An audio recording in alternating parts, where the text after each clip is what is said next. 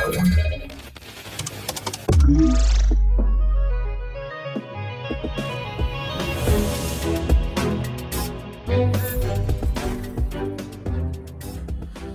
halo, tu Fundacja Bezpieczna Cyberprzestrzeń.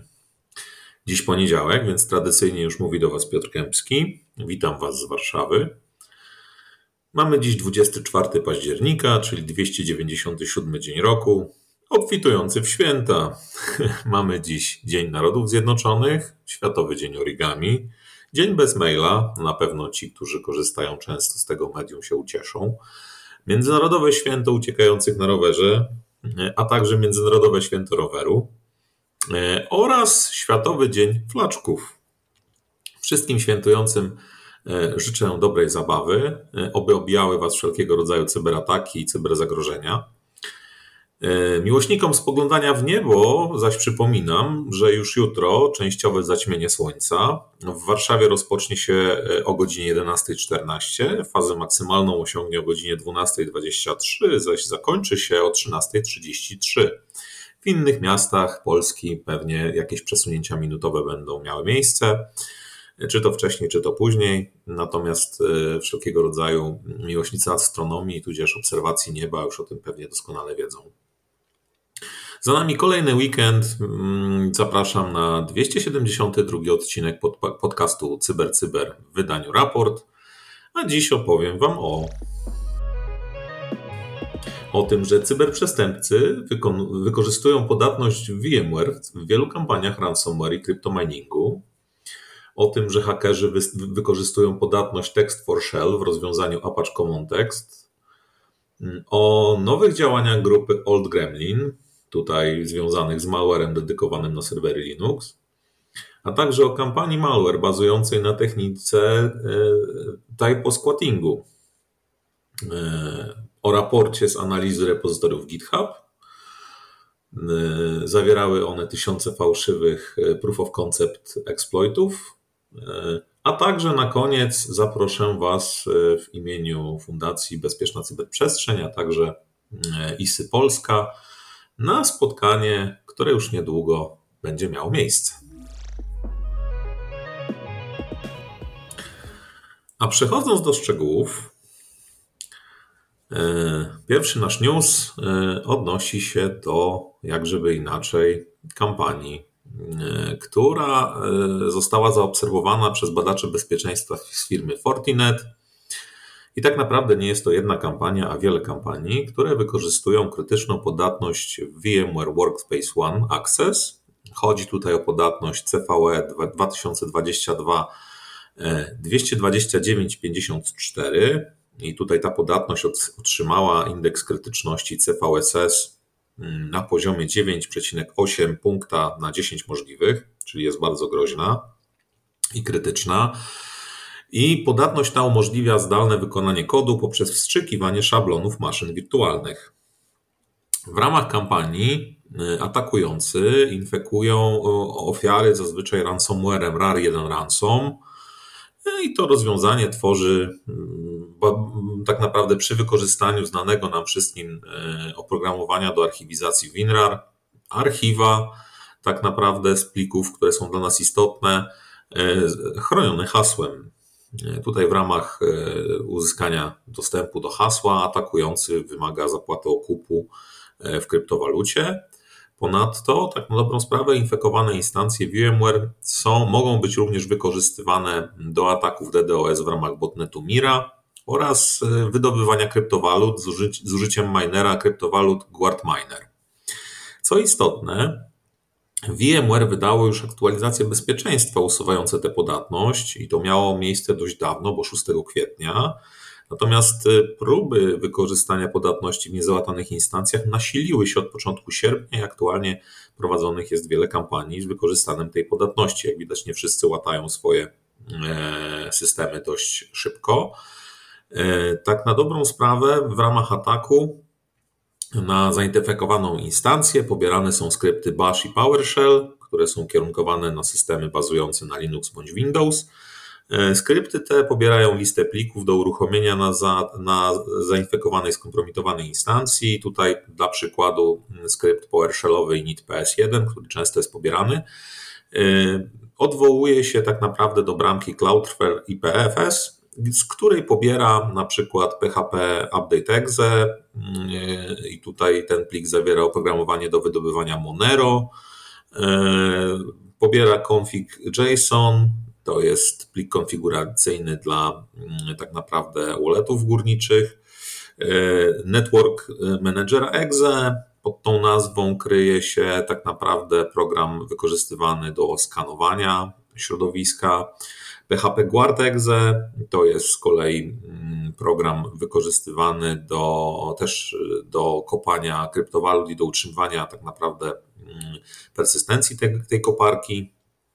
E, E, CleanBat to jest skrypt, który czyści ślady po kryptominerach na skompromitowanym hoście w, w przypadku jakiegoś tam wykrycia.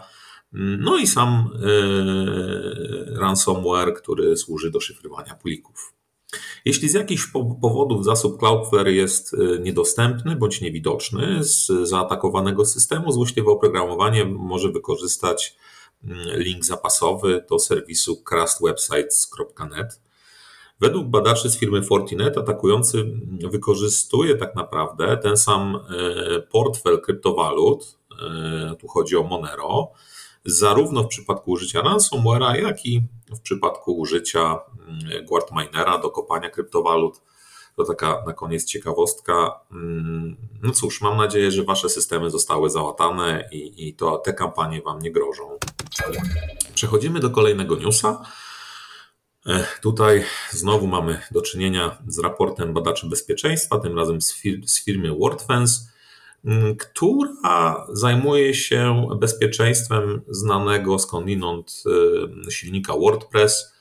Y, z raportu możemy się dowiedzieć, że mm, WordFence wykrył y, ataki bazującej na masowej próbie eksploitacji podatności w Apache Commons Text Tutaj ta podatność została oznaczona mm, numerem CVE 2022 428 89 i otrzymała nazwę Text for Shell.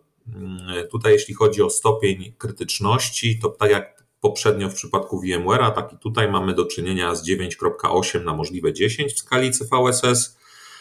No i ta podatność jest w bibliotece Apache Commons Text od wersji 1.5 do wersji 1.9. Sama podatność jest podobna do słynnej już podatności Log4Shell. E, tutaj źródłem jej jest sposób podstawiania łańcuchów znaków podczas wyszukiwania DNS, skryptów i adresów URL, co może, co tak, wykorzystanie jej tak naprawdę może prowadzić do wykonania dowolnego kodu na podatnych systemach, mm, po tym jak atakujący przekaże zestaw danych wejściowych e, do wykorzystania tejże podatności. Udane wykorzystanie zaś podatności pozwala atakującemu na otwarcie połączenia typu reverse shell pomiędzy podatną aplikacją a serwerem C2, co z kolei otwiera drogę do dalszych ataków czy też dalszych deployów malware'u.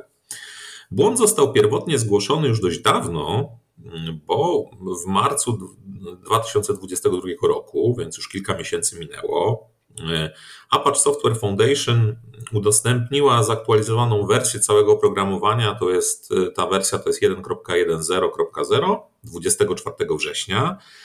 Zaś rekomendacje w zakresie działań, które można podjąć e, i które zabezpieczą nasz serwis, wydano dopiero 13 października, więc kilka dni temu.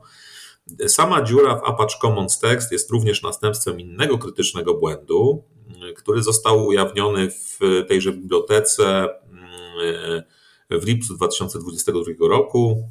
Tutaj mowa o podatności CVE 2022 339,80 i również e, wynik tak naprawdę mm, e, stopnia, stopień ważności czy też krytyczności to też jest 9.8. Ta z kolei podatność umożliwia wykonanie dowolnego kodu poprzez funkcjonalność interpolacji zmiennych. Mam nadzieję, że zaktualizowaliście swoje serwisy. Jeśli nie, to uczyńcie to jak najszybciej. Miejmy nadzieję, że tego typu kampanie Was nie dotkną. Kolejny news y, odnosi się do grupy APT, w zasadzie grupy ransomware'owej.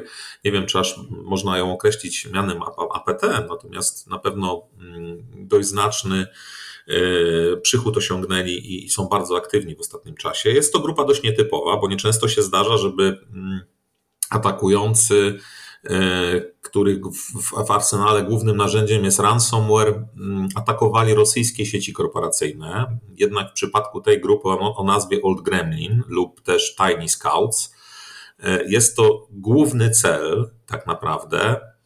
E, do tej pory grupa Old Gremlin była znana z tego, że głównie atakowała sieci przedsiębiorstw działające pod kontrolą systemów z rodziny Windows. Jednak ostatnio badacze odkryli, że prowadzą oni, a w zasadzie rozpoczęli prowadzenie również kampanii mm, skierowanej na e, systemy funkcjonujące w oparciu o rodzinę Linux. E, wykryte kampanie bazują na mm, tak naprawdę na phishingu, na rozsyłaniu maili, natomiast to też jest jakby nowy wektor ataku, bo do tej pory rozsyłane były e, szkodliwe załączniki. Natomiast w tej chwili grupa zmieniła troszeczkę sposób działania i zamiast załącznika z kodem złośliwym rozsyłane są w wiadomościach linki prowadzące do mm, e, plików szkodliwych zamieszczonych na różnych, e, e, różnych serwisach chmurowych. Tutaj na przykład w jednej z ostatnich kampanii linki mm, w wiadomościach kierowały do archiwów ZIP znajdujących się w popularnej usłudze Dropbox. Grupa Old Gremlin po uzyskaniu przyczółków sieci ofiary zbiera zazwyczaj informacje przez ponad miesiąc E, w ramach tej fazy identyfikowane są oczywiście wartościowe dane i systemy, które są istotne dla funkcjonowania danego przedsiębiorstwa, i potem te zidentyfikowane informacje będą podlegały szyfrowaniu. Jeśli chodzi o persystencję, to grupa uzyskuje ją poprzez wykorzystanie mm, zaplanowanych zadań, czyli w przypadku Windowsa mówimy tutaj o harmonogramie zadań, natomiast w przypadku Linuxa mówimy tutaj o kronie zazwyczaj. Eskalacja uprawnień e, w przypadku ataku tej grupy odbywa się zazwyczaj przy użyciu Cobalt Strike'a lub podatności CVE 2020 3153 lub CVE 2020 3433 w Cisco Connect. Są to dość stare podatności, jak widzicie. Grupa korzysta także z rozwiązania TeamViewer do mm, przesyłania obrazu zdalnie, zdalnego i do zdalnej kontroli nad stacjami. E, cóż, tak jak powiedziałem, grupa atakuje głównie rosyjskie przedsiębiorstwa, natomiast może się zdarzyć, że będzie atakowała również e, inne kraje czy też inne systemy, więc zachowajcie czujność. Przechodzimy do kolejnego newsa. Trwa kampania wykorzystująca ponad 200 domen, domen typu typosquatting, które podszywają się pod ponad 27 znanych firm i marek. Kampania mm, wykorzystuje tak naprawdę i bazuje na nieuwadze użytkowników, którzy zazwyczaj popełniają błędy przy wpisywaniu e, adresów stron internetowych, lub też e, e, taki użytkownik może otrzymać na przykład link prowadzący do strony, która ma ten link zawiera sfałszowany adres. Na tych stronach jest zazwyczaj zamieszczony malware, który tak naprawdę po wejściu na, stronie, na stronę dokonuje infekcji urządzeń z których to wchodzimy na te strony. I tutaj, co ważne, malware zazwyczaj ten jest dedykowany dla systemów Windows bądź Android. Aktualnie mm, w ramach kampanii e, wykorzystano ponad 90 stron internetowych. E, sam typosquatting jest już, dość, jest już dość leciwą techniką, ale wciąż jest aktywnie wykorzystywaną. E, I tak na dobrą sprawę mm, wszelkiego rodzaju spearphishingi również mogą wykorzystywać tego typu E, rozwiązanie.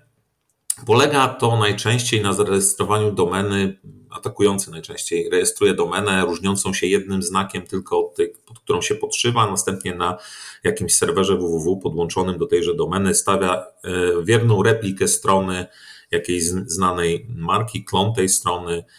Tutaj w przypadku tej kampanii domeny wykorzystywane są bardzo zbliżone do autentycznych i najczęściej właśnie różni od nich, od tych oryginalnych jedna litera, bądź też dodatkowe na przykład S, czyniące w adresie liczbę mnogą. Jeśli chodzi e, o same e, tutaj skutki, czy też konkretne adresy, to atakujący podszywają się m.in. pod serwisy Google Wallet, Snapchat, Vidmate, PayPal, TikTok, czy nawet rozwiązanie popularnego edytora notatnika Notepad++.